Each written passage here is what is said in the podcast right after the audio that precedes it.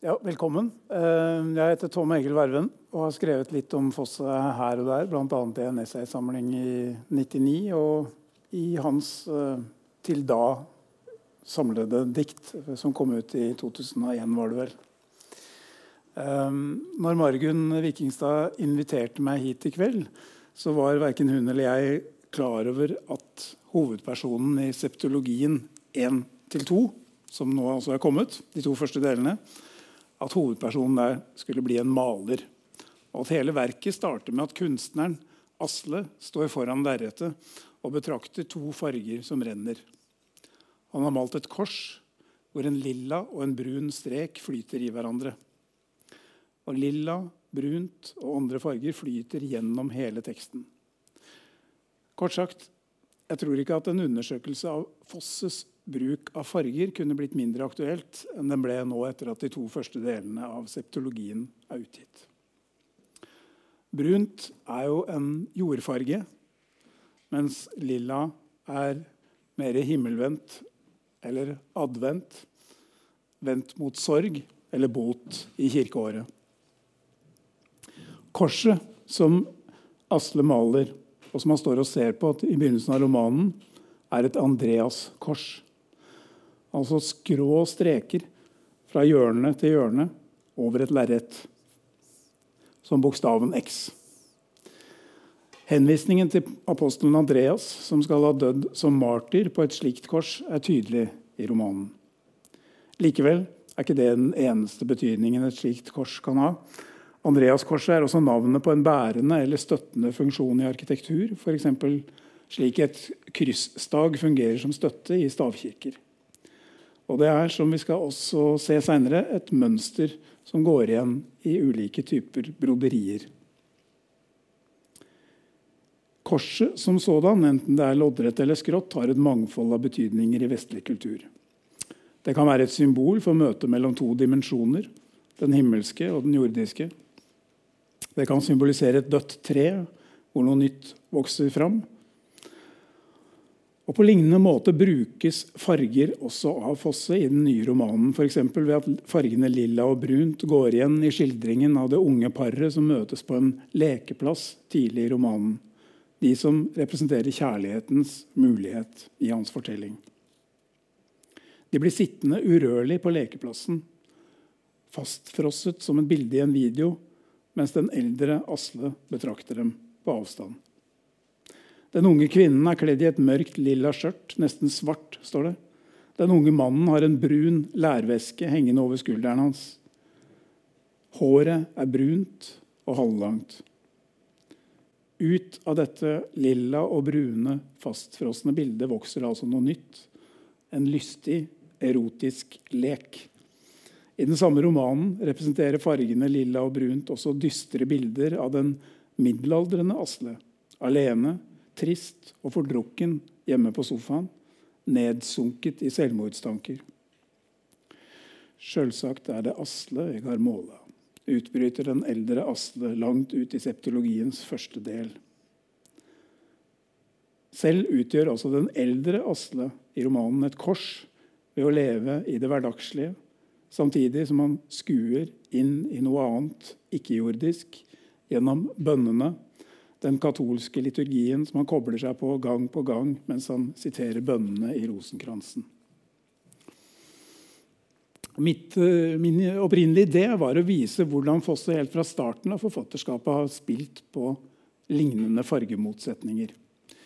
I tidlige dikt møtes både erotikken, håpet og korset i farger, men da mellom blått og grønt. Man kan innstille seg til Fosses verk på minst to måter. Enten så blir man, som en del lesere blir, ganske lei av gjentagelsene og legger bøkene fra seg. Kanskje man til og med lar være å gå i teatret når stykkene settes opp, fordi man ikke har noe sans for den type gjentagelser. Eller man blir som meg mer og mer fascinert, trukket inn i dette underlige språk- og fjordlandskapet som består av relativt få ord og relativt mange repetisjoner. Den tiden vi lever i, er jo preget av en slags tvangstanke om at det gjelder å velge mellom ytterpunkter. I politisk debatt, i sosiale medier og andre debattfora så gjelder det å velge side. trekke klare linjer og komme med entydige konklusjoner. Jeg tror ikke det prinsippet er like smart når det gjelder litteratur. Den gode litteraturen viser fram noe som er sammensatt. På sitt beste representerer romaner, dramaer og diktsamlinger jordelivets myldrende kompleksitet. Og lesning og kritikk bør strekke seg etter det samme, syns jeg. Derfor velger jeg ikke mellom ytterpunktene, men velger veksler heller mellom kritisk distanse og fascinert nærlesning i møte med Jon Fosses septologien. Jeg har riktignok vært kritisk til det verket i, i Bokmagasinet. Uh, og jeg har også skrevet ganske kritisk om noen av hans seinere dramaer, som 'Rambuku' og 'Skuggar'. Samtidig mener jeg at andre verker av ham, som teaterstykket 'Draum om hausten' eller romaner som 'Morgen og kveld' og Andvake-trilogien, rager over det meste jeg har lest på norsk. For min del skjedde det noe med forståelsen av Fosse, og også med fargebruken hans, da jeg for første gang besøkte Strandebarm i Hardanger for noen år siden. Ut fra en eller annen skrudd lesning av hans tidlige bøker hadde jeg forestilt meg Strandebarm som et nokså lukket sted mellom fjellene. Mer som Skjolden innerst i Sognefjorden eller Odda innerst i Sørfjorden. Det var jo veldig dumt tenkt. Jeg kunne bare sett på kartet. Strandebarm ligger jo veldig åpent til. Omtrent der Hardangerfjorden er på sitt aller breieste, med utsikt til Folgefonna og med et lys og en glitring jeg aldri har opplevd maken til den dagen jeg var der i begynnelsen av juni. Himmelen var klar, og jeg skimtet bare blått og grønt. Blått og grønt. Ulike skiftninger av blått og grønt, så langt øyet kunne se. Og Den opplevelsen bidro nok til at jeg begynte å lese Fosses tekster på andre måter, særlig diktene. For en del år siden så tenkte jeg at diktsamlingene er det stedet hvor typiske fossefenomener først kommer til syne. Og Det er noe sånt jeg også skal prøve å vise her. At jeg tenkte sånn den gangen, hadde nok å gjøre med at jeg leste diktene veldig intenst etter at jeg hadde lest romanen 'Melankolia' om maleren Lars Hertevik, og etter at jeg hadde arbeidet med de første dramatekstene og sett dem på scenen. Asle i septologien finnes jo, som en del kanskje kjenner til, også i stykker som 'En sommers dag' fra slutten av 1990-tallet. Hva er det vi ser når vi ser et dikt eller en tekst av Jon Fosse? Hva er det tekstene selv sier om det å se? Åpenbart kan man tenke seg at Asle i septologien skildrer dette gjennom å si hva han tenker om bildene han maler. I septologien så fungerer bildene som Asle maler, på en måte også som bilder på det å framstille tekst, tenker jeg meg. For ham er kunstverkene som han selv frambringer, et sted hvor det innerste kommer til syne. Jeg skal lese denne biten fra side 318 til 319 i romanen. Jeg veit godt at jeg kan måle bilder som bare jeg kan måle. For jeg har mitt helt eget innste bilde, som alle de andre billettene så å si kommer ifra. Eller som det freister å få sagt, eller nå fram til. Men det ene og innste bildet kan ikke måles. Det kan ikke sies. Jeg kan måle nærere eller fjernere fra det innste bildet. Og de nærere jeg er dette innste bildet når jeg måler, de bedre måler jeg. Og de mer lys er det i bildet. Ja, slik er det, tenker jeg. Og det jeg har sett og røynt, og det jeg innst inne veit i dette mitt innste bildet, er noe jeg gjerne vil si fra om. Ifra om. Noe jeg vil at andre skal vite om. Ja, for den saks skyld gjerne hengende over sofaen sin. For dette jeg veit, ja, det jeg vil dele, det jeg vil syne, ja, det let seg sjølsagt ikke seie.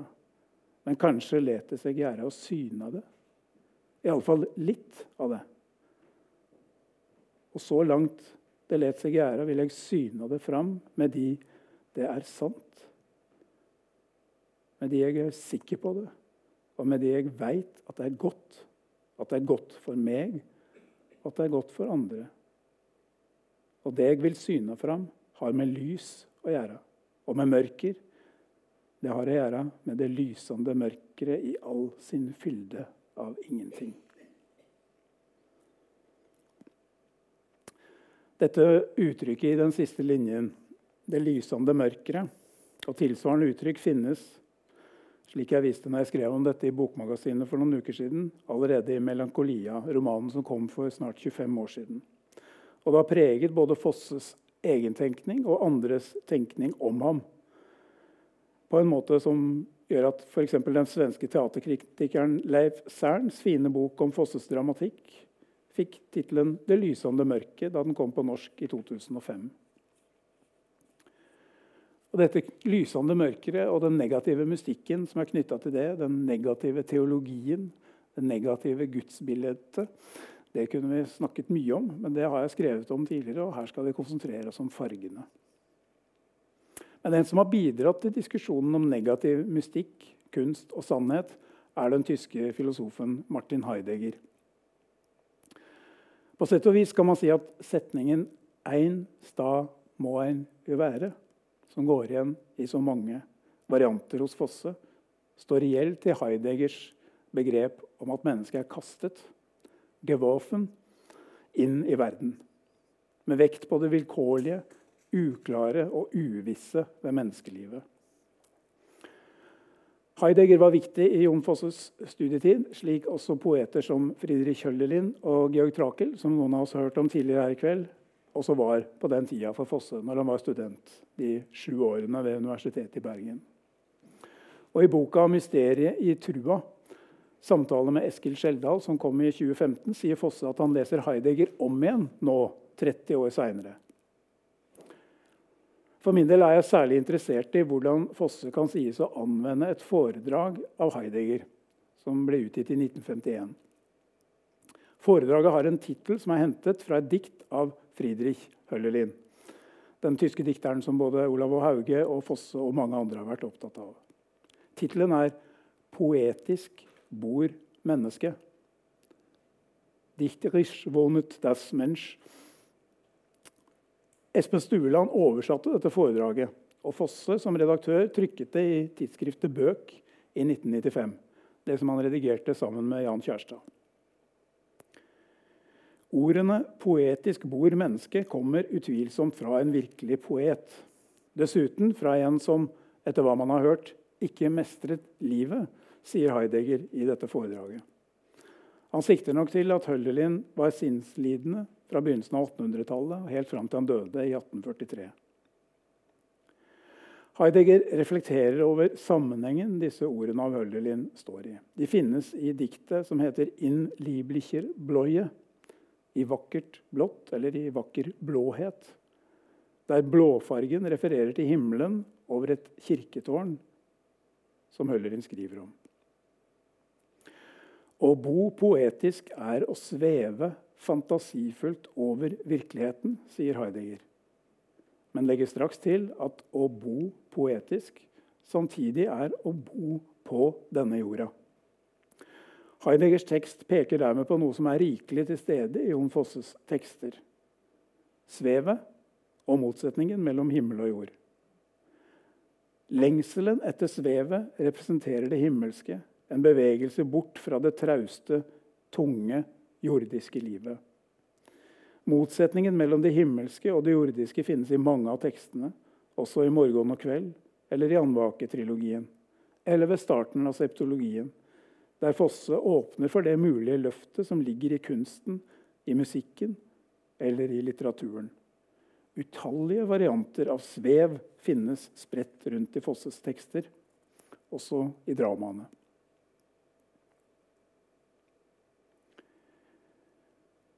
Men altså, hos Heidegger så er poesien en slags utmåling av verden. En verden som i seg selv ikke har ferdige mål som det er en menneskelig aktivitet å hele tiden måle. Ved å lese Heideggers foredrag ble jeg mer klar over hvordan det himmelske og det jordiske, representert ved fargene blått og grønt, opererer sammen i Jon Fosses verk. Mennesket lever hos Fosse ofte mellom himmelens blå og grønnskjæret i det som gror på jorda. I diktsamlingen Nye dikt, som kom ut tre år før 'Morgen og kveld', altså i 1997, finnes tekster som kretser om melankoli og noe man kunne kalle selvoppgivelse. En slags resignasjon, særlig knyttet til én setning. 'Jeg er ikke lenger'. Det kan kanskje også omskrives til 'Jeg bor ikke lenger'. Diktjeget i mange av diktene i denne samlingen gir opp noe. En viss betraktningsmåte eller en viss levemåte for å vende seg mot noe annet, en annen måte å se tilværelsen på. Formuleringen 'jeg er ikke lenger' kommer igjen i ulike varianter i diktene, også som 'jeg deltar ikke lenger'.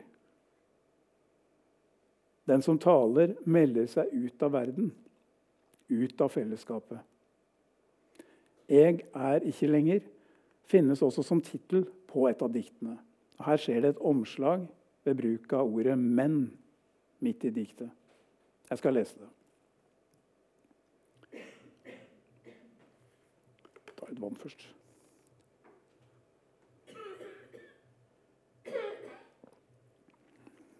Jeg er ikke lenger. Det er for stille til at jeg kan se fargene falle. Ingen av de gamle er lenger i det bevegelige vatnet. Det er for stille og altfor lenge siden. Men den grønne løva trenger jo males. Og ungene trenger jo en trygg stad å leike. Jeg er ikke lenger, men bare i deg og i et blått som lun og rolig varme. Og gresset skulle vært slått. Jeg ser det nå.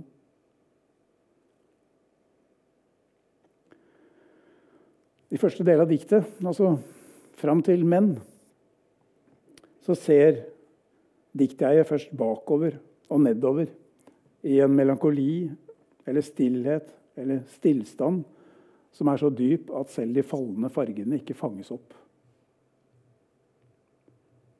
Og de gamle er ikke lenger i det bevegelige vannet. Har de gått ut av tida? Det er lett å lese dette diktet i relasjon til diktet som står på siden foran i samlingen, nemlig 'Strandebarm Hardanger'. Et av Fosses aller fineste dikt. Det om at han kjenner mange av de som ligger der. Eller kjente. Men i diktet finnes det altså et 'men'. Hvis vi går tilbake til denne midten så vender diktjeget seg etter menn mot noe annet, nemlig det som jeg nettopp nevnte hos Heidegger, å gjøre verden beboelig. Ved selv å bli eller regne seg til en del av en framtid.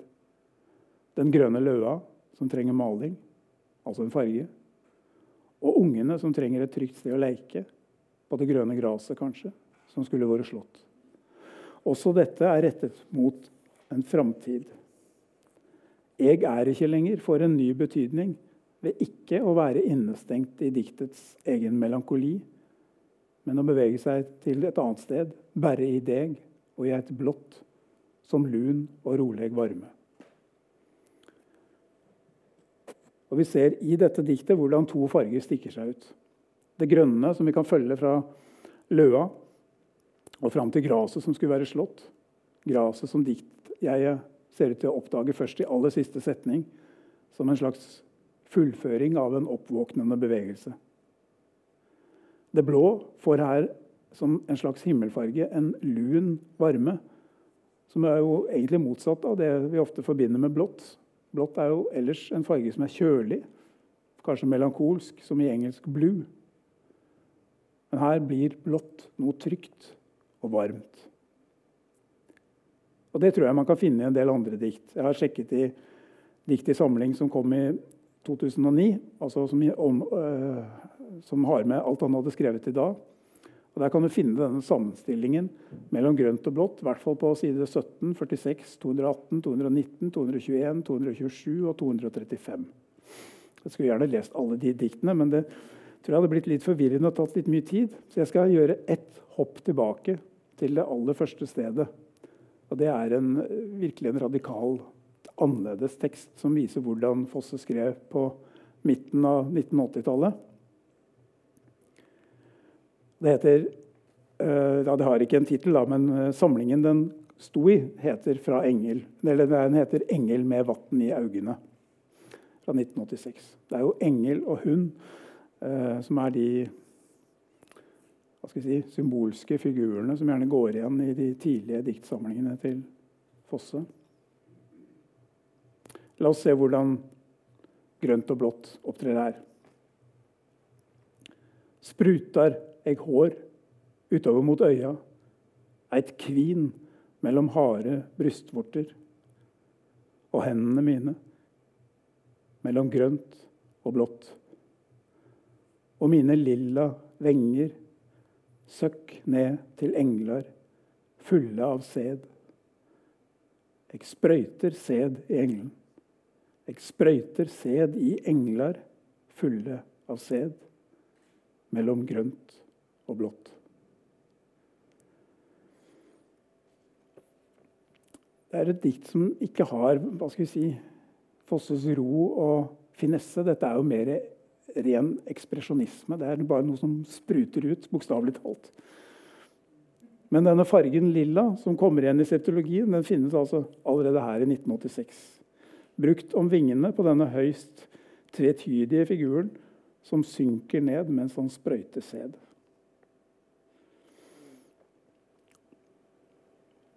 Jeg tror jeg skal avstå fra å gå nærmere inn på hvordan man kunne tolke det. Det kunne være en interessant oppgave. I seinere dikt så er bruken av farger og retoriske virkemidler mer dempet. Mer impresjonistisk, kanskje, eller innadvendt. Og til og med opphøyd, symbolsk eller sakralt. Og Det er det nærmere den Fosse vi kjenner fra de seinere årene. Selv om han ikke har skrevet så mange, i hvert fall ikke utgitt så mange dikt de seinere årene. Men jeg skal lese et dikt som står i Nye dikt fra 1997 som nok er en sånn overgangstid inn i Fosse fra de seinere årene. Det heter altså 'Den døde guden'. Jeg ser et blomstrande auge legge seg over fjorden. Ei hand helt eit vindauge åpe. En vind fra ei gløymsle fortell sin blåe dis at ennå finst ein mogleg grønlekk attom det han kaller liv og død. På krossen enda Gud sitt liv, og våre liv blei enda.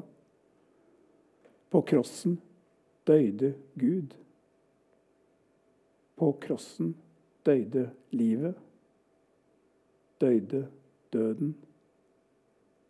En gjennomsiktig grønleik spreier seg fra den døde guden som en blå dis av liv forvandla i død.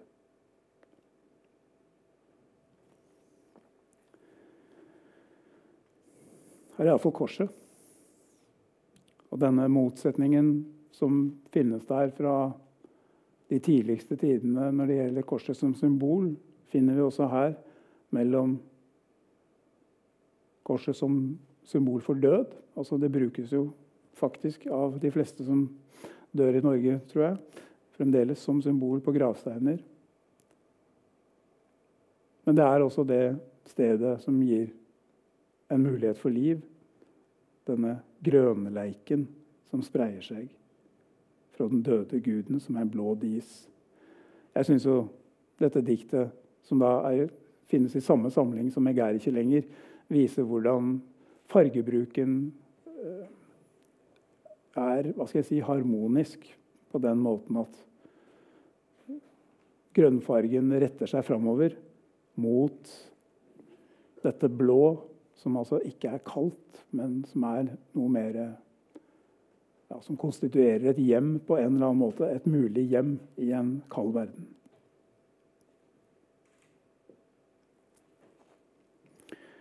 Høllerins tekst får nå vende tilbake til den om hvordan mennesket bor diktende i verden, plasserer poesien mellom himmelen og jorda.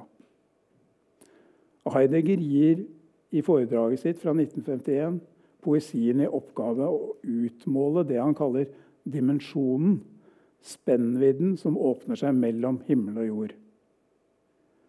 Poesien er å måle denne dimensjonen, står det i Bøk, altså i nummer 6 1995.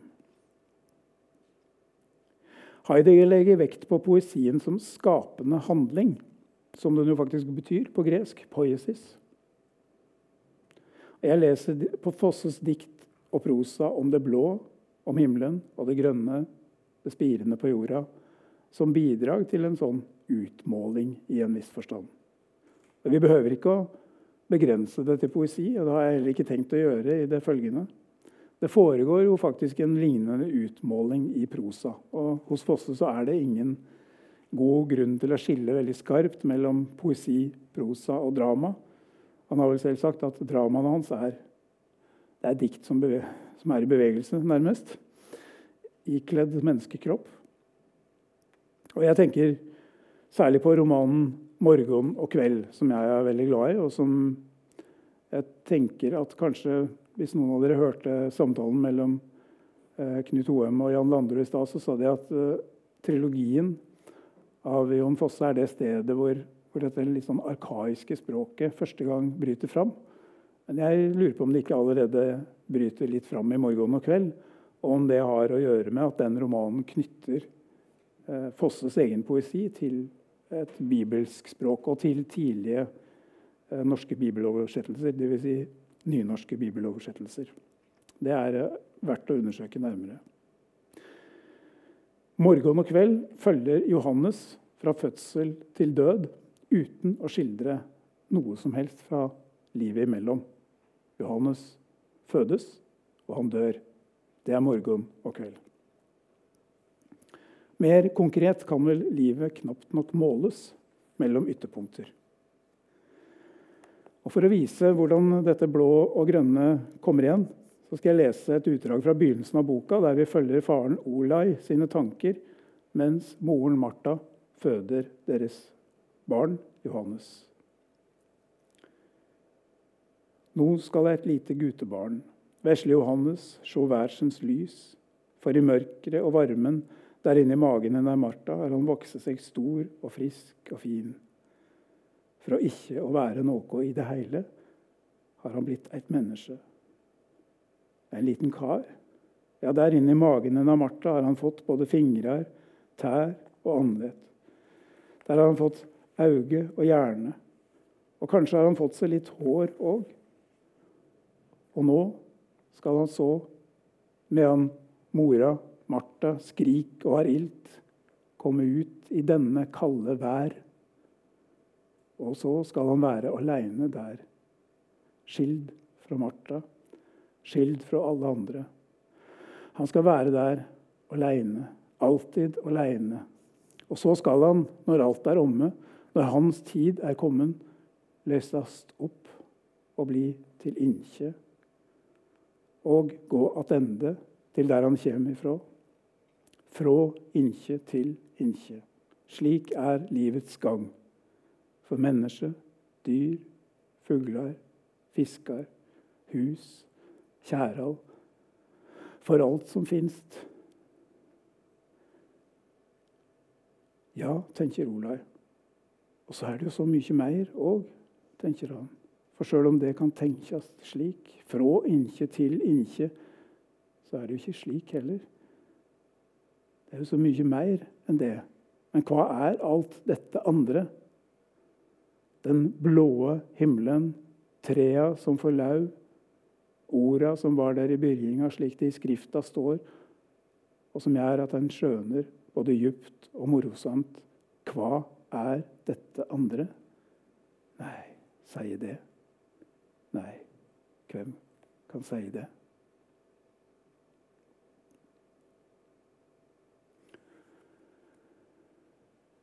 Altså på linje fem nedenfra. Den blåe himmelen, trea som får lau. Her har vi sannelig blått og grønt igjen, midt inne i fødselen til Johannes.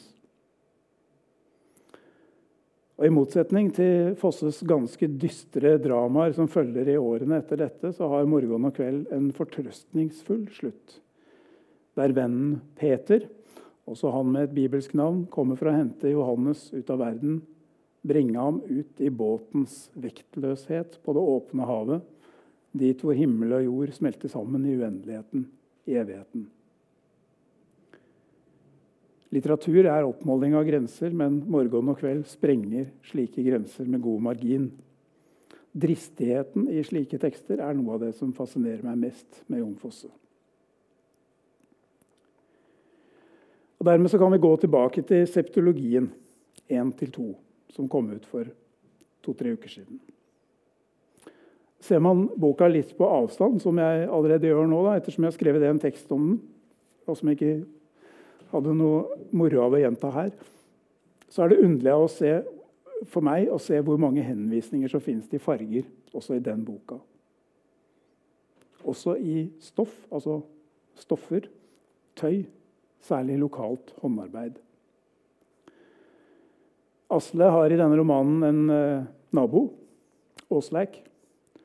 Og de bildene som Asle maler, Åsleik, og, og, som han gir til Åsleik, de gir Åsleik videre til søstera si, som er veldig glad i disse bildene. Og hun, som antagelig heter Guro Det er litt tvil om hvem som heter hva i denne romanen. Uh, hun eh, syr faktisk hardangersaum, står det på side 127. Men Asle han treffer også en annen kvinne som heter Guro, inne i Bjørgvin. For uh, altså Åsleik og den andre Guro bor jo ved Sogne, eh, sjøen, er det den heter i romanen. Jeg går i sur, ja, for det, han vrir jo på disse navnene også. Men ja, dere skjønner, det er ytre Sognefjord omtrent. da. Eh, men fiksjonalisert. Den andre Guro som han da treffer inne i Bjørgvin, sannelig, hun driver også med hardangersaum. Så her går ikke bare fargene og yrkene i hverandre, men også navnene. Men jeg skal hoppe til den eh, andre og siste delen, hittil siste delen av septologien. Der vender fortelleren Asle seg mot barndommen. Han som altså i begynnelsen av romanen har stått og sett på dette Andreaskorset som han har malt, hvor fargene brunt og lilla renner i hverandre. I andre del så ser han for seg den unge Asle, og svært unge Asle, altså et barn, og søsteren hans Alida. De to leker mellom veien og stranda på det stedet der de vokser opp. Et sted som nok visuelt kan minne mye om Strandebar Hardanger. Nokså detaljert, som jeg tror vi skal få Det er litt sånn føljetong her i kveld, for dette vil dere få høre mer om eh, når Ola Ebø eh, kommer inn eh, fra klokka ni, er det det? Ja. Um, Jeg ser for meg dette hjemstedet til Asle og Alida, disse to barna som leker mellom veien og stranda. Et sted hvor de egentlig ikke har lov å være. Det er hvite hus, det er en rød låve mot alt det grønne, det svarte berget i bakgrunnen og den blå fjorden nedenfor, under den blå himmelen. Det har regnet, og Alida skitner til kjolen sin. Kjolen er forresten også blå, men det blir da møkkete i en sølepytt på veien. Asle sier at uh, når de kommer hjem, så kan hun skylde på han. For på han kjefter mora alltid same hva han sier eller gjør. Jeg må innrømme at når jeg leste dette første gangen, så ble jeg veldig fristet til å se denne scenen og Asles ord som en nøkkel til å forstå større deler av verket. Hvordan er det for en mann å vokse opp med en mor som alltid kjefter, samme hva Asle sier eller gjør? Hva slags person blir man da? blir man en som til slutt bare ligger på sofaen og er trøtt av alt.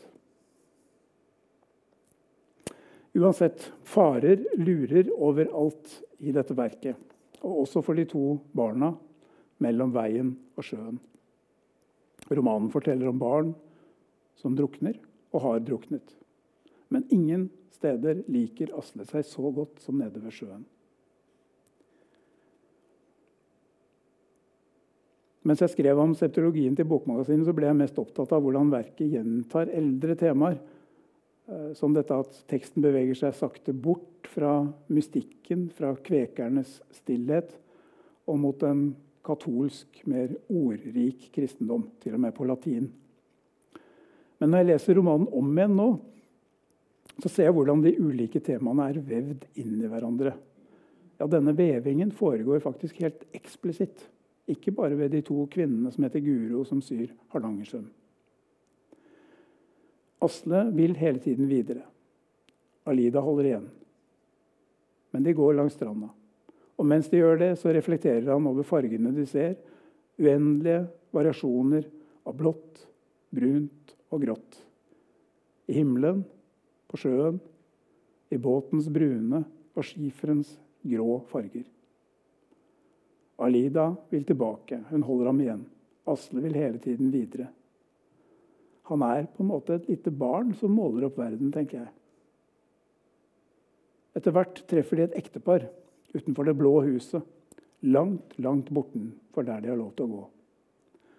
Mannen i huset, Gudleiv, ber dem inn for et glass gul brus.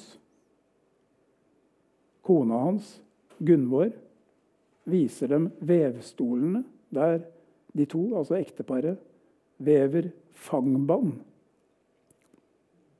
til bunader. Altså slike bånd som vi ser en bit av her, som man henger utapå forkleet. Selv om Asle har sett mor og besta i bunader, sier han, blir han helt overveldet over fargene og mønsteret i det fangbåndet som ligger foran ham. Som nok er enda flottere enn dette her, da, selv om dette også er flott. Eh, jeg søkte bare på fangbånd på Google, enkel som jeg er, og fant dette her, som er laget av en som kaller seg Perlebetta i, i Lofoten, tror jeg det er. Dette er sydd med perlebroderier. Jeg tror dette koster 6000 kroner hvis du skal kjøpe det. Så det er ikke billig. Men jeg syns det passet veldig godt med et eksempel hvor dere faktisk ser Andreas-korsene. da. Selvfølgelig går de igjen i mye broderier, for det er veldig vanskelig å brodere uten at det dukker opp sånne, sånne kors. Eh, og Det tenker jeg meg at det kan ha gjort også i det som Asle her ser for seg. Og For meg så blir dette det ble mye mer overveldende når jeg så nærmere på det nå, hvordan, hvordan disse, også dette fangbåndet, som det heter Hvordan det kommenterer romanen inni romanen. Altså Som om disse trådene som går under og over hverandre her, disse mønstrene som går over og under hverandre her, de finner man også i romanen. Asle og Alida sitter altså inne hos Gunvor og Gudleiv i vevstua og drikker gul brus. I det samme det er slutt på brusen, så banker det på døra. Og Gunvor og Gudleiv minner om at moren er bekymret for dem og de skal til å gå. Men inn av døra så kommer han som mora framfor noen har advart mot. En diger, skallet mann med stor mage. Han som alle barn i bygda må passe seg for. Han som de bare kaller Skallen.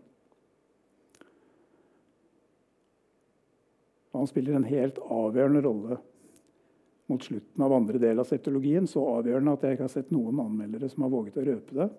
Det skal jeg heller ikke gjøre her fordi jeg antar at en del av dere ikke har lest den. Og i og med at det er helt mot slutten av bind to av sju, så blir det jo veldig avgjørende hvordan romanen fortsetter for hvordan vi skal tolke det som skjer her etter at Gunvor og Gudleiv har hatt Asle og Alida hjemme i stua si. Men det jeg blir overbevist om etter å ha jobbet med dette litt lenger, er at fargene spiller en avgjørende rolle i Fosses tekster. Ikke bare som koloritt som, som, betydning, som fargevirkninger.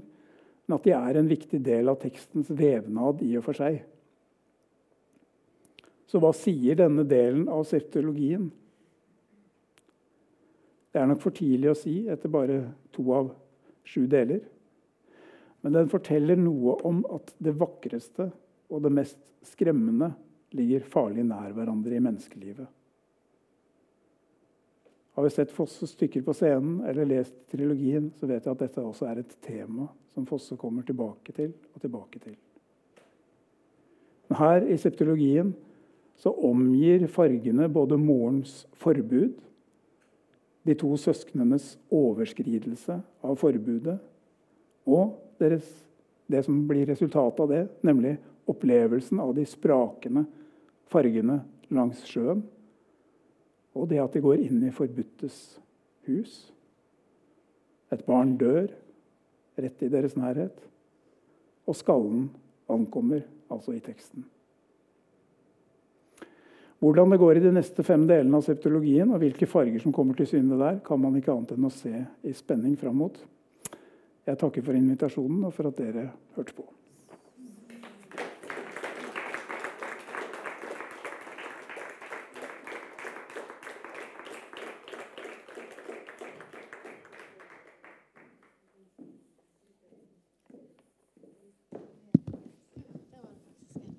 Jeg kan jo snakke i mikrofon.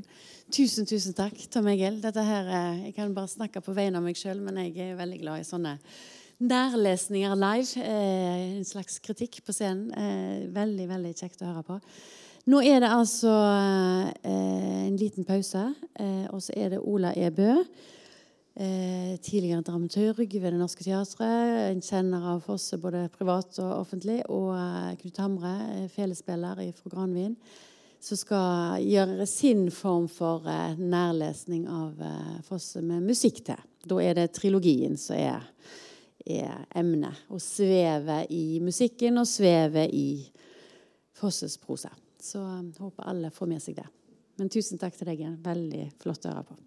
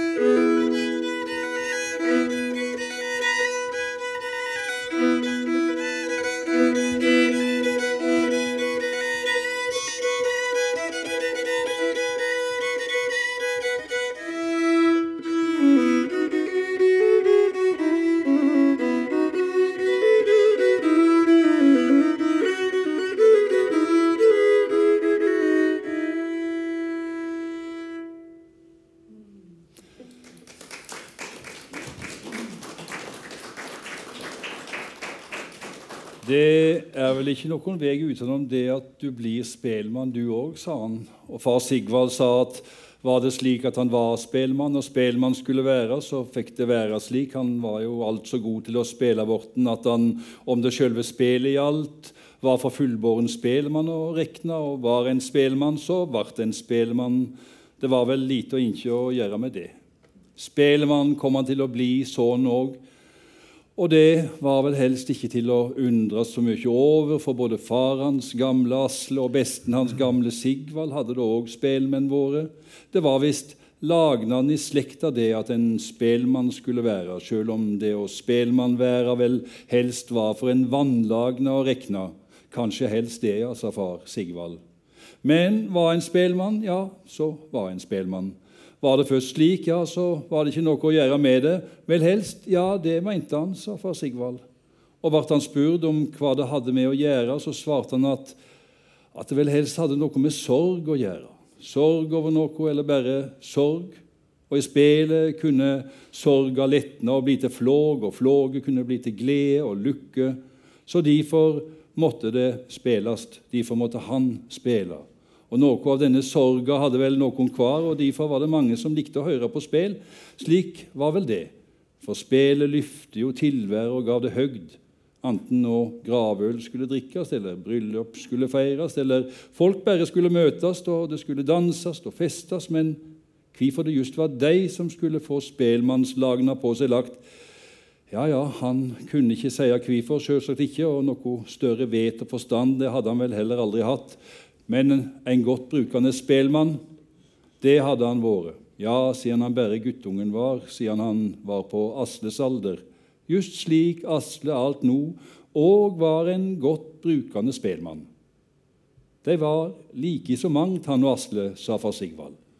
Og slik han, da han på Asles alder var, følgde med sin far da besten til Asle skulle spille i bryllup, slik skulle Asle nå òg følge med sin far og slik bli lært opp og Seinere i sommer skulle han òg få bli med når faren spilte til vanlig dans, og han skulle få bli med når faren spilte i gravøl, slik han sjøl sin far hadde fulgt i bryllup til gravøl på dans.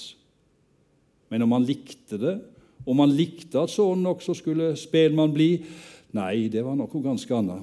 Og det var det vel heller ingen som spurte etter. Spelmannslagna spurte seg ikke føre, men den som uten eiendom var, den måtte seg klare best han kunne med de gaver Gud hadde han gjeve. Slik var det, slik var livet.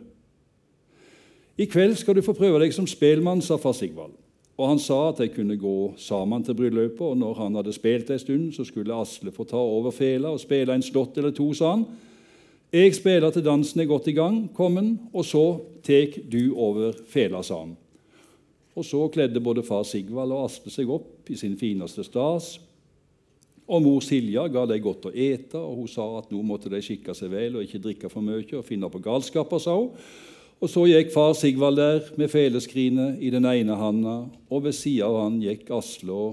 Da det et stykke vei hadde gått og nærma seg garden leite, sette faren seg ned og tok fram fela. Han stilte henne og leika seg litt med spel, og så tok han fram ei flaske for skrinet og tok seg en god støyt, og så spilte han igjen, forsiktig, som om han prøvde seg fram. Og så rekte far Sigvald flaska til Asle og ba han ta seg en støyt. og Asle så gjorde, og så rekte han fela til Asle og sa han måtte spille både fela og seg sjøl litt opp òg. Det ble alltid beste spelet om det slik gikk føre seg at en spilte seg sakte opp fra nesten ingenting og oppover fra ingenting og så mot det veldige, sa han. Og så satt Asle der og prøvde å spille seg opp fra nesten ingenting. Helt der nede begynte han spelet, og så langsomt og så lågt han bare det klare kunne, spilte han seg oppover.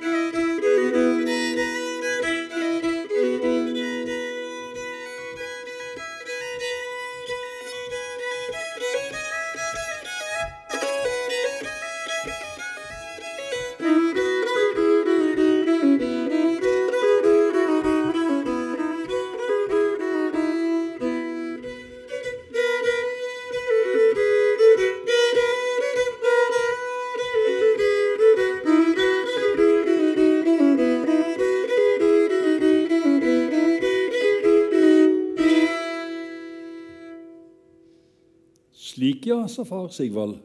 Alt det du regner mesterspiller, du, sa han. Du spiller deg opp som om du aldri annet hadde gjort, sa han. Og så tok far Sigvald seg ennå en støyt av flaska, og Asle rekte han fela, og far Sigvald rekte flaska til Asle. Og han tok seg ennå en støyt, og så ble jeg sittende der og ikke si noe. Spelmannslagna er en vannlagna, sa så far Sigvald. Alltid bort, alltid dra bort, sa han. Ja, sa Asle. Ja, dra bort fra sin kjære og fra seg sjøl, sa far Sigvald. Alltid gi seg sjøl til andre, sa han. Alltid det, sa han. Aldri få være heil i sitt eget, sa han alltid prøve å gjøre de andre heile, sa han. Og så sa far Sigvald at for han var nå alt som fantes til, kjærleiken til mor Silja og til Asle. Og ville vel han fare rundt og spille, men hva annet kunne, vel, kunne han vel gjøre? Hva åtte han? Ingenting. Ingen versens ting. Det eneste var fela og seg sjøl og så denne hersens spelmanns lagna, sa far Sigvald. Og Så reiste han seg og sa at nå fikk de vel gå til gården Leite og gjøre det de var bestemte for, og som de fikk settler for. Og Så sa han at Asle bare fikk være der i gården og gjøre hva han ville. Og så seinere i kveld, når dansen godt i gang var kommet, da fikk han komme inn og stille seg slik at han så han, og da skulle han vinke på Asle og ta seg en pause, og så skulle Asle ta over fela. Og så spiller du en slått eller to, sa far Sigvald. Og da er du i gang som spellemann, du òg, sa han. Slik var det besten din, han du er kalla opp etter, byrja som spelmann, sier han. Og nå byrja du òg slik, sier han. Og slik var det jeg òg i si tid byrja, sier han. Og Asle hører noe uklart i røysta til far Sigvald, og han ser mot han, og han ser at han står der rett opp og ned, og det er tårer i øynene hans. og så så Gasle tårene begynne å renne nedover kjakene til far Sigvald, og det stramma seg til i kjakene hans, og så tok han håndbaken opp til øynene og strøk tårene bort.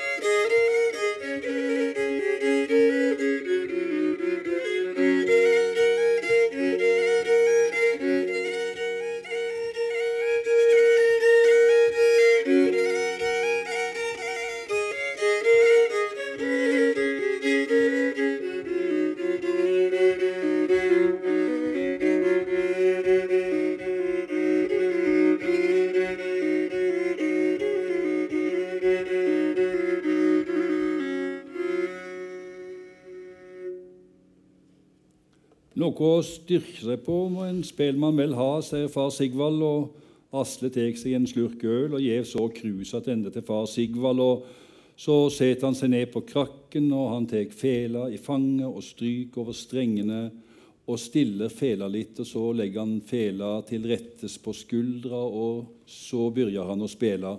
Og det let ikke så verst, og han driver på og spiller, og folk begynner å danse, og han driver på og spiller og presser på. og Han skal ikke gi seg, han skal bare holde fram. Han skal tvinge stampende sorg. Han skal få sorga til å bli lett, til å letne og lette, til å få flåg og flyge oppover uten tyngd. Det skal skje, og han driver på og spiller. Spiller, og så finner han staden der spelet løfter seg og så svever spelet. Ja, ja, ja, det svever, ja, og da trenger han jo ikke å drive på. Da svever jo spelet av gårde helt av seg sjøl og spiller i sin egen vær. Og alle som kan høre, de kan høre det. Og Asle ser opp, og han ser henne stå der. Hun står der. Han ser Alida stå der. Hun står der med det svarte, tjukke, bøljende håret sitt og med de svarte øynene sine, og hun hører det. Hun hører svevet, og hun er i svevet. Hun står i ro, og hun svever. Og så svever de sammen. Nå svever de sammen, hun og han. Alida og Asle. Og han ser ansiktet til far Sigvald, og han smiler. Det er lykke å se i smilet hans. Og far Sigvald løfter flaska til munnen og tar seg en god støyt og Asle let spelet spela. Og Alida er med han. På øynene hennes kan han se at Alida er med han, og Asle let sveve sveve. Og idet det svever som lettest bortover, løfter han bågen og let svevet sveve ut i det tomme. Og Asle reiser seg, og han rekker feila til far Sigvald, og han legger armene sine kringom skuldrene til Asle og presser han inntil seg og far Sigvald blir stående med fela i neven og halla Asle inntil seg. Og Så gjør far Sigvald et kast med hodet legger fela til rettes på skuldra, og så tramper han takten, og så begynner han å spille. Og Asle går mot Alida, der hun står med det svarte, lange håret sitt og de svarte, store, triste øynene sine. Og Alida går mot han, og Så legger Asle handa si på skuldra hennes, og så går de ut, og ingen av dem sier noe for de er, før de er ute i tunet komne, og der stogger de, og Asle tar handa si til seg. Du er eh, Asle, du, ja, sier Alida. Og du er Alida, sier Asle. Og så ble de stående der uten å si noe. Vi har vel aldri før snakka sammen, sier Asle. Nei, sier Alida. Og så står de der og sier ikke noe. Men jeg har sett deg før, sier Alida. Og jeg deg, sier Asle. Og så blir de stående igjen der og ikke sier noe. Du spilte så fint, sier Alida. Takk skal du ha, sier Asle.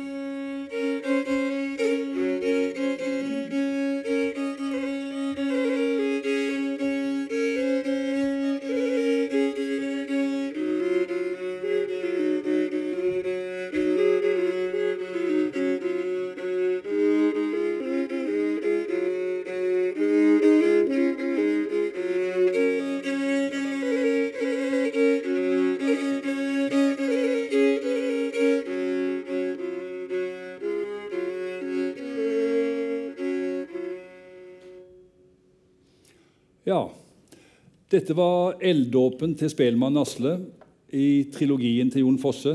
Denne eventyrlige kjærlighetshistorien om Asle og Alida. Og her er Knut Hamre fra Granvin, som spelmann har vært helt siden han liten gutt var, for å holde oss i Fossetralten. eh, vi har nå, til nå hørt eh, tre slåtter eh, som er en del av ei fantastisk samling av slåtter som kom ut i ei CD-bok i fjor. Eh, 97 slåtter fra Granvin. Og Boka heter rett og slett 'Slåtter fra Granvin', eh, med et rikt tekstmateriale skrevet av eh, Benedicte Maurseth, som sitter der oppe. Mellom annet 19 små spellemannsbiografier av ulik lengde, alt etter hva plass de har i slåttetradisjonen i Granvin. Og Det er en imponerende og fantastisk dokumentasjon av en slåttetradisjon i et veldig avgrenset område, ei lita bygd i Hardanger. Så ulikt Strandebam, bare noen mil lenger nord. Eh, men dette poenget skal vi komme tilbake til. Eh, Den første slåtten du spilte, Knut, den kjente jeg igjen. Det er en sånn en som, du, som det går an å plystre til. Det er en springer som heter Springer etter Halte-Lars. Og Halte-Lars det er altså Lars Røynstrand, en legendarisk spelmann, eventyrforteller og skredder. Uh, Peder Christian Asbjørnsen skrev ned flere eventyr etter han. Bl.a. et eventyr som aldri kom på trykk i sin samtid. Uh, et erotisk eventyr som heter 'Bryllupet på Velkje'. Det ble omsatt til tysk og spredd blant mannlige folklorister under tittelen 'Narrazione Lubrica'. Såpass gode i latin er vi alle sammen at vi skjønner hva, at det betyr grisehistorier. Uh, uh, men de andre slåttene og opphavsmennene der og Hva andre opphavsmenn vil du dra fram fra denne ja, fra hele denne flokken av spelmenn fra Granvin? Ja, eh, når, tenker, når, en tenker på 1800-talls eh, eller de som var født rundt 1820, så sa Ola om Lars Rønstrand og en annen som um, var veldig betydelig og, og, hadde stor betydning. Eh, Ola Håstabø. Og en til må vi òg nevne. Hans Selland. Og du bor nå i huset der Ola Horstadbø var født? Ja, det gjør det faktisk der han var født. Ja. Og der bor du godt? Der bor jeg så godt at. Ja. ja. Med utsyn over fjorden og eh, ferjene som legger til kai. Ja. ja. Eh, Hans Selland, ja?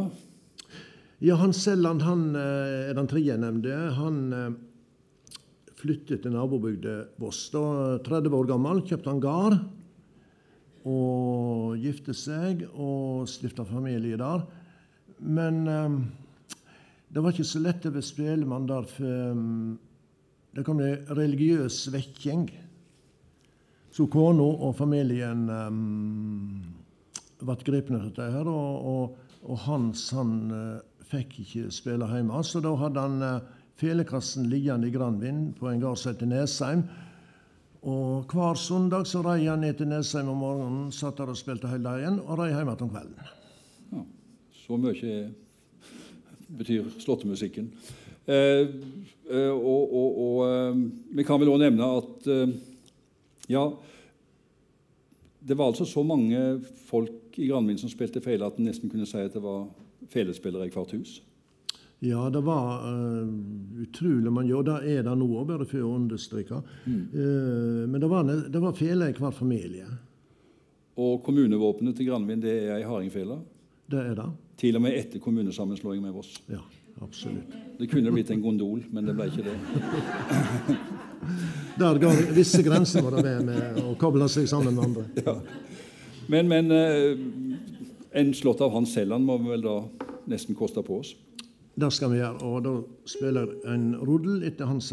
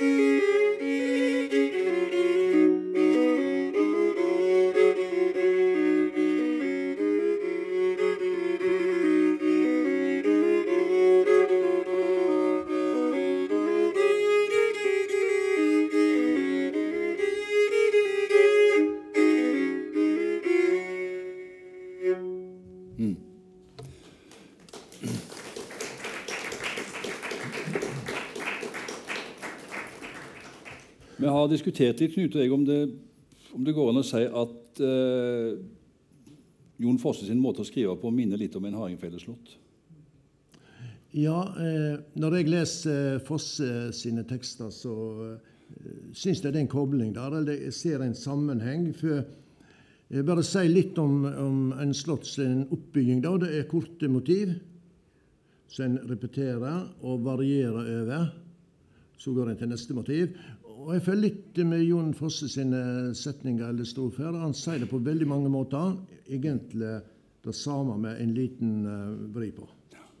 Og det er ikke noe, Så det er et eller annet der. ja, det er ikke noe lovmessig heller i måten en hardingfeleslått kan bruke ulike motiv på.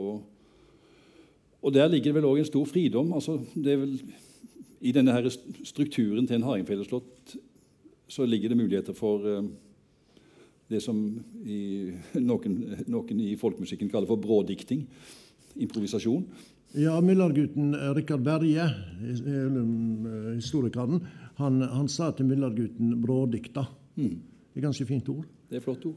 Eh, Og i, eh, i de slottene så ligger det en, en invitasjon til å variere enda mer over de der temaene. Så det kan nå dra ut i det vide og det brede, selvsagt. Men, men det, ligger, det ligger en invitasjon der, det er helt, eh, helt sikkert. Det skal vi komme tilbake til, men eh, først må vi si litt om dette, dette, dette svevet som Fosse stadig kommer tilbake til, og som Verve nå snakket om. ikke sant? Eh, eh, og og eh, Jon sier jo at eh, når, en, har- altså, når spelmannen har spilt seg opp, så svever spelet av gårde helt av seg sjøl og spiller si egen vær. Eh, og dette er jo en måte eh, som, som eh, Jon, når, han, når Jon karakteriserer sin egen skriving, så, så, så snakker han om det på den måten. Og I dette svevet så er jo kjærleiken, og der er Gud. Der er på en måte store deler av, eh, av, det, av det åndelige på en måte i dette, i dette svevet. I en samtalebok som kom ut i 2014 eh, mellom deg og, og Benedicte Mørseth, som handler om forholdet mellom meister og elev, så har du eh, en veldig flott Du snakker veldig fint om telemarksspellemann Bjarne Herrefoss, eh, som akkurat hadde denne evna til å, å ja, nesten sveve bort i sitt eget spill. Eh, og, og, og folk søkte på en måte situasjoner der Bjarne Herrefoss, der en kunne tenke seg at Bjarne Herrefoss ville forsvinne i sitt eget spill. Og det kunne, det kunne godt skje på en kappleik, og så plutselig så satt han med ryggen til og spilte fantastisk. Hva var det, bortsett fra dette, dette som fascinerte deg så mye med, med Bjarne Herrefoss? Ja, jeg møtte nå Bjarne eh, så helt ung. Og det var eller annet som tok tak i meg og greip meg eh, helt uh, ubeskrivelig der, altså. Uh, tonen og det vakre, det var da så vakkert, det, det han gjorde. Men òg den der uh, den der fridommen eh, i, og det der med å å gjøre ting i nuet. Han hadde ingen eh, sekk på ryggen som inneholdt eh, strategier mot eh, arrangører, eller en tradisjon, eller hva det måtte være. Han, var liksom der og da veldig, altså. Og jeg måtte vel nesten lure på, som jeg gjør, iallfall seinere, hva oppdragelse du har, liksom. For en vet nå da at eh, i andre og i, uh, miljø og i andre fag òg, så er nå håndverk og tradisjon eh, veldig viktig. Og det blir liksom vektlagt mye. Og Bjarne var liksom ikke den flinkeste gutten i klassen slik teknisk, og alt eller annet, men han hadde en eller annen en eller annen kraft i seg og en eller annen fridom som fascinerte meg voldsomt. Og Olavsson sier òg, han òg, så klart. Men også, og som ung spelmann så var vel det var, Du skulle jo liksom frelse folkemusikken i Granvin, og det var lagt veldig forventninger til at du skulle følge tradisjonsveien, kan jeg tenke meg. Ja, det ligger alltid en forventning i det. eh, Det må en bare si. Ja. Så Bjarne Herrefoss var en slags frigjører, kanskje. Han var en sånn åpenbaring og åpner. Det må en absolutt. Jeg går ut fra at du lærte slåtter av han.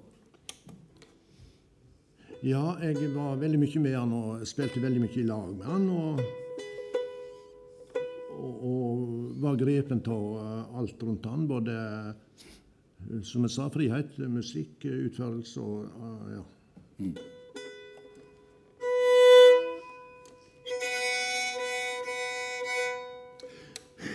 Så da spiller jeg en, en Bjarne Stringer, en Bjarne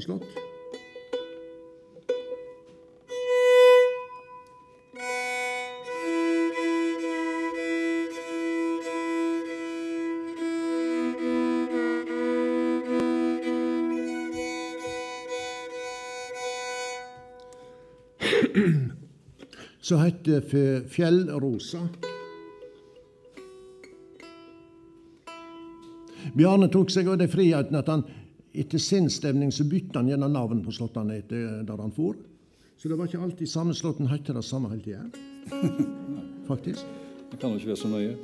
det kan ikke være så nøye, Ola. Det er bra.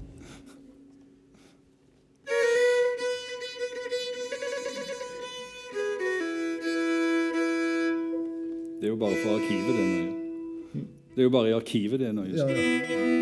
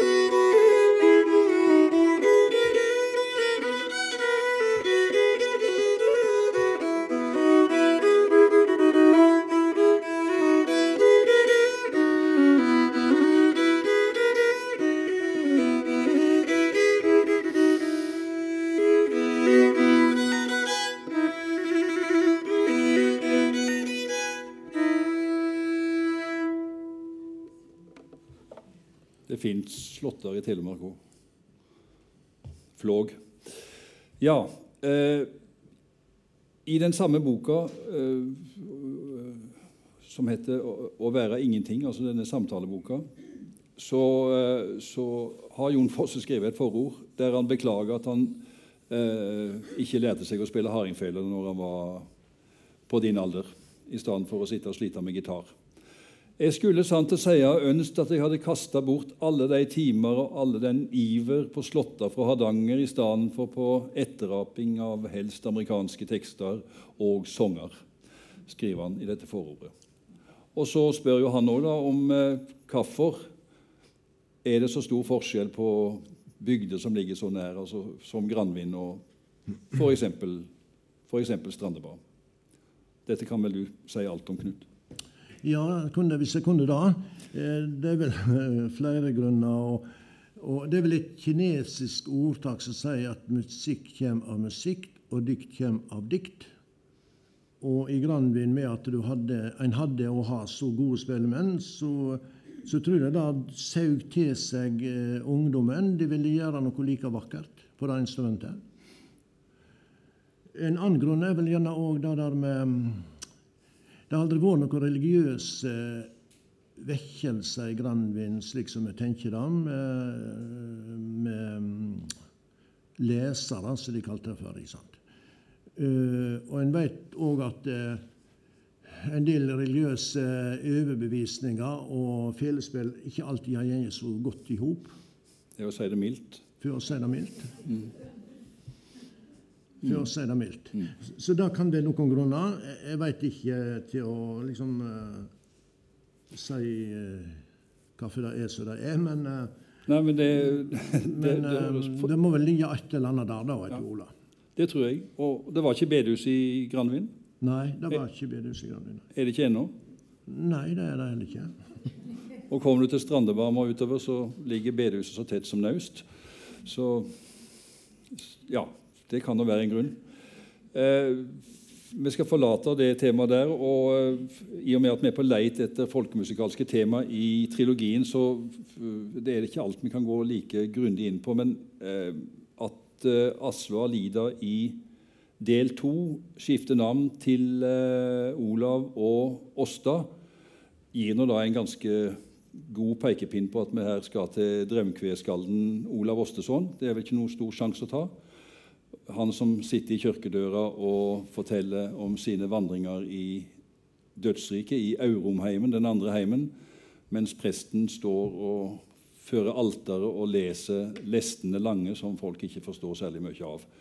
Eh, og Det var interessant å se eh, den oppsetninga på Det Norske Teatret nå eh, av trilogien, der den belgiske instruktøren Luc Perseval, som har laga veldig flotte Fosse-forestillinger tidligere, I den andre delen, altså den andre akta, så framstiller han nærmest som en, som en burlesk dans macabre, altså en dødsdans. Eh, jeg syns det var kjempeflott, og, og, og er veldig spenstig og, og, modig tolking av den.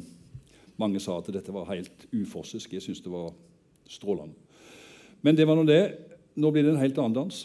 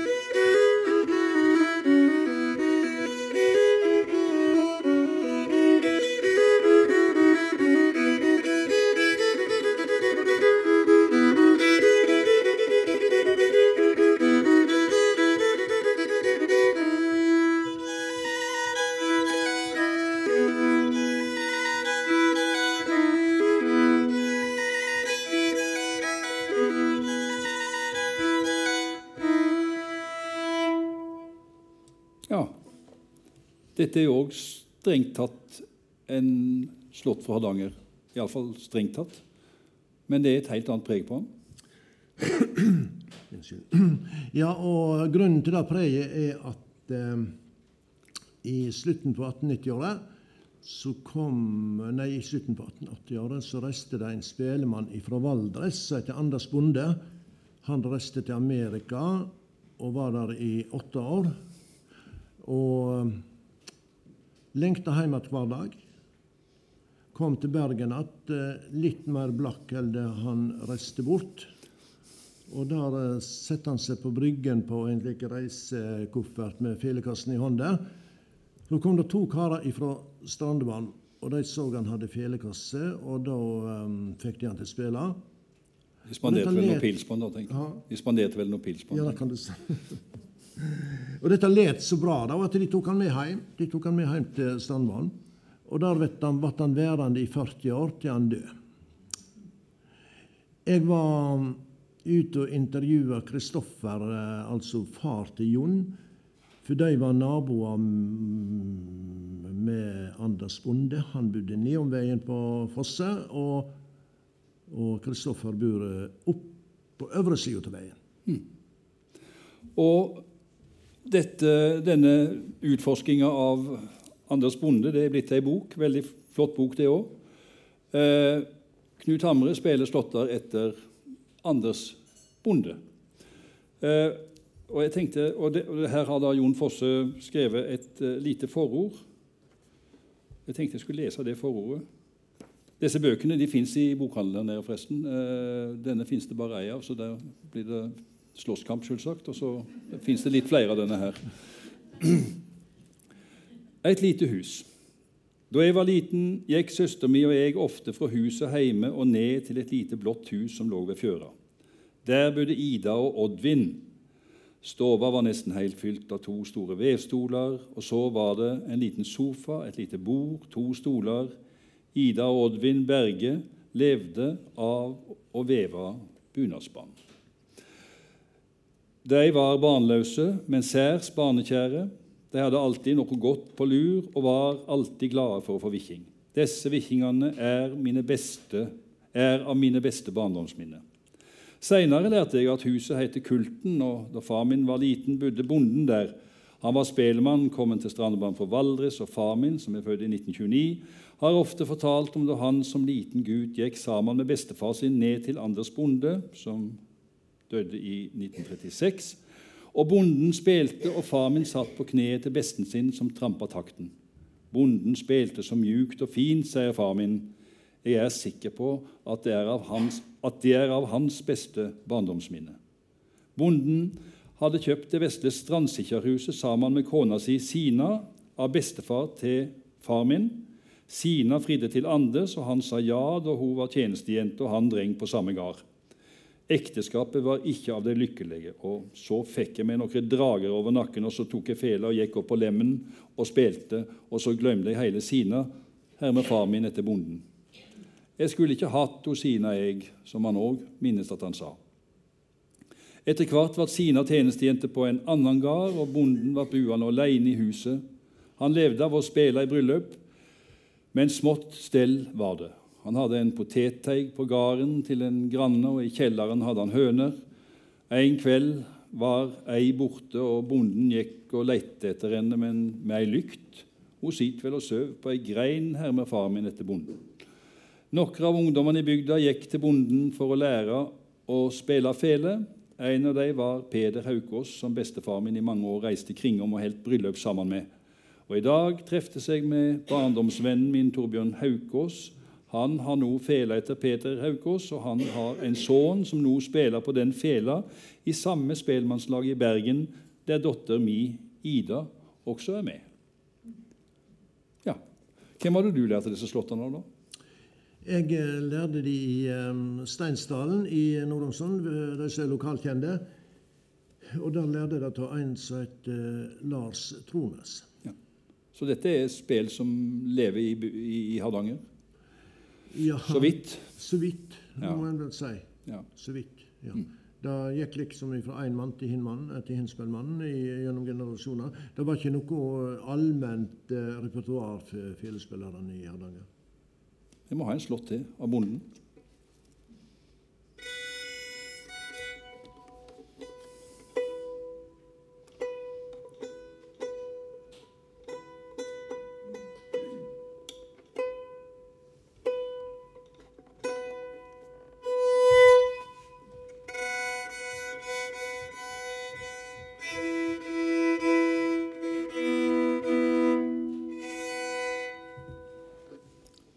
Kommer det en som kanskje bonden har laga, det er litt usikkert om det, men det er iallfall eh, liksom, eh, det som går på mellom med her. Og den heter Malmangernuten.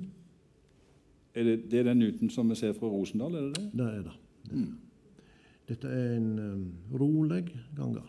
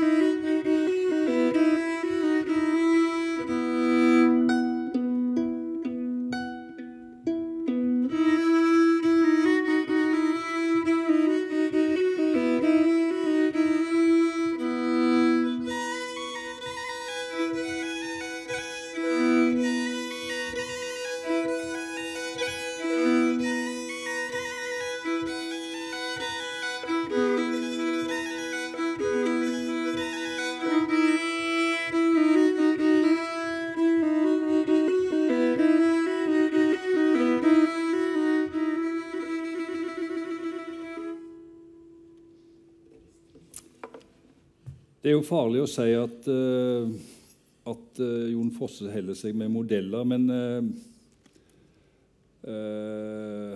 jeg skal nå lese en lite utdrag fra tidlig andvake. og det er like etter at mor Silja er død. Nå hadde han einast Alida at det tenkte han, og så hadde han fela. Det tenkte han òg. For far Sigvald hadde ikke bare fiska våre, han hadde òg vært en dugende spelmann. Og i hvert eneste bryllup i hele ytre Sygna var det han som spilte. Slik var det i mange de år. Og skulle det dans være en sommerkvelden, var det far Sigvald som spilte. Han hadde da òg i si tid kommet austanfra til Dylja for å spille i bryllupet til bonden på Leite, og slik var det at han og mor Silje hadde treffes hun var tjenestetaus der og serverte i bryllupet, og far Sigvald spilte. Slik treftes far Sigvald og mor Silja, og mor Silja ble med barn, og hun fødte Asle. og For å forsørge seg og sine tok far Sigvald seg hyre på jo en fisker ute i øyene i havet. Fiskeren bodde på Storsteinen, og som del av lønna skulle han og Silja få bo i et naust fiskeren åtte der i Dylja. Slik vart spelmannen far Sigvald fisker òg, busett i naustet på Dylja. Slik var det, slik gikk det, og nå var både far Sigvald og mor Silja borte, for alltid borte, og nå gikk Asle og Alida kringom der i Bjørgvins gater, og alt det åtte bar Asle i to bylter over skuldra, og så hadde han feleskrinet og fela etter far Sigvald med seg. Enn så lenge. For eh, i den neste bolken, altså eh, Olavs drømmer, der bytter Olav bort fela for å kjøpe seg Meninga er å kjøpe seg ringer for å vise ja, eh, det uløselige bandet mellom han og Alida. Det ble nå et armbånd, men, men, han bytter bort fela mot eh, et armbånd som et symbol på dette faste forholdet. og En kan da tenke seg at fela står for for mer den ut, mer utsvevende spellemannslagnaen. Eh, og her klinger selvsagt visa om Per Spelmann i bakgrunnen, altså han som bytte, antageligvis hadde bytta bort eh, fela for ei ku, men som bytte bort kua og fikk fela igjen. Eh, og eh, hvem var nå egentlig denne Per Spelmann? Det fins det en del teorier om.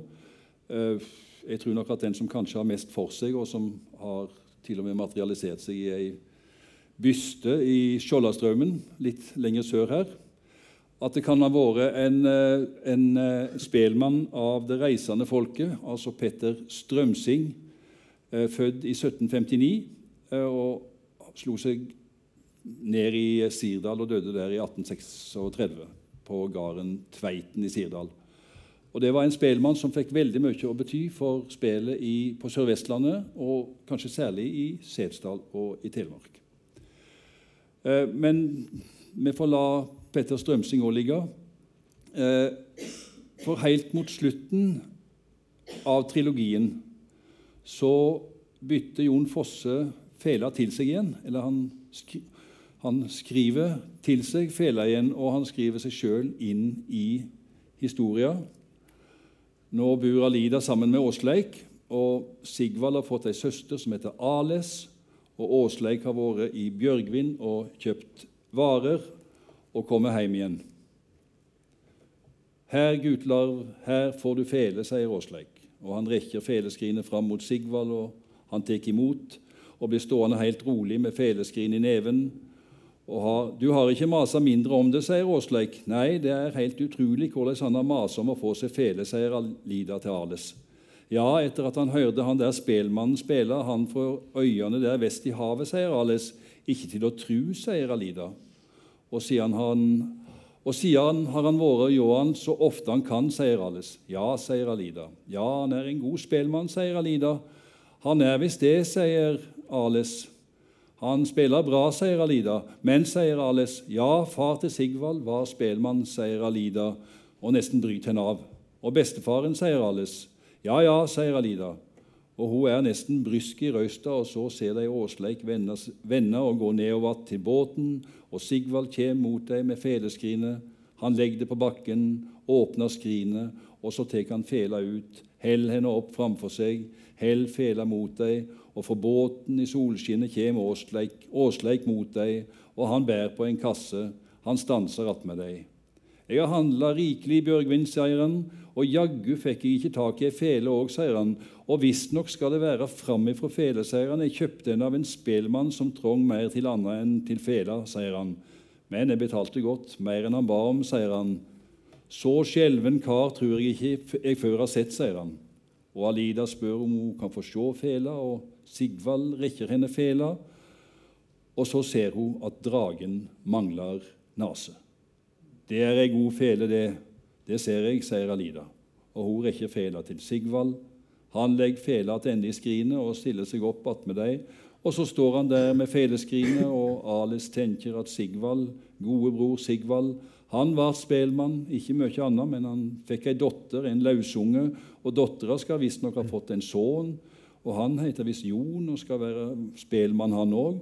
Og så skal han visst ha fått gitt ut ei bok med dikt. Ja, ja, folk gjør nå så mye, tenker Ales.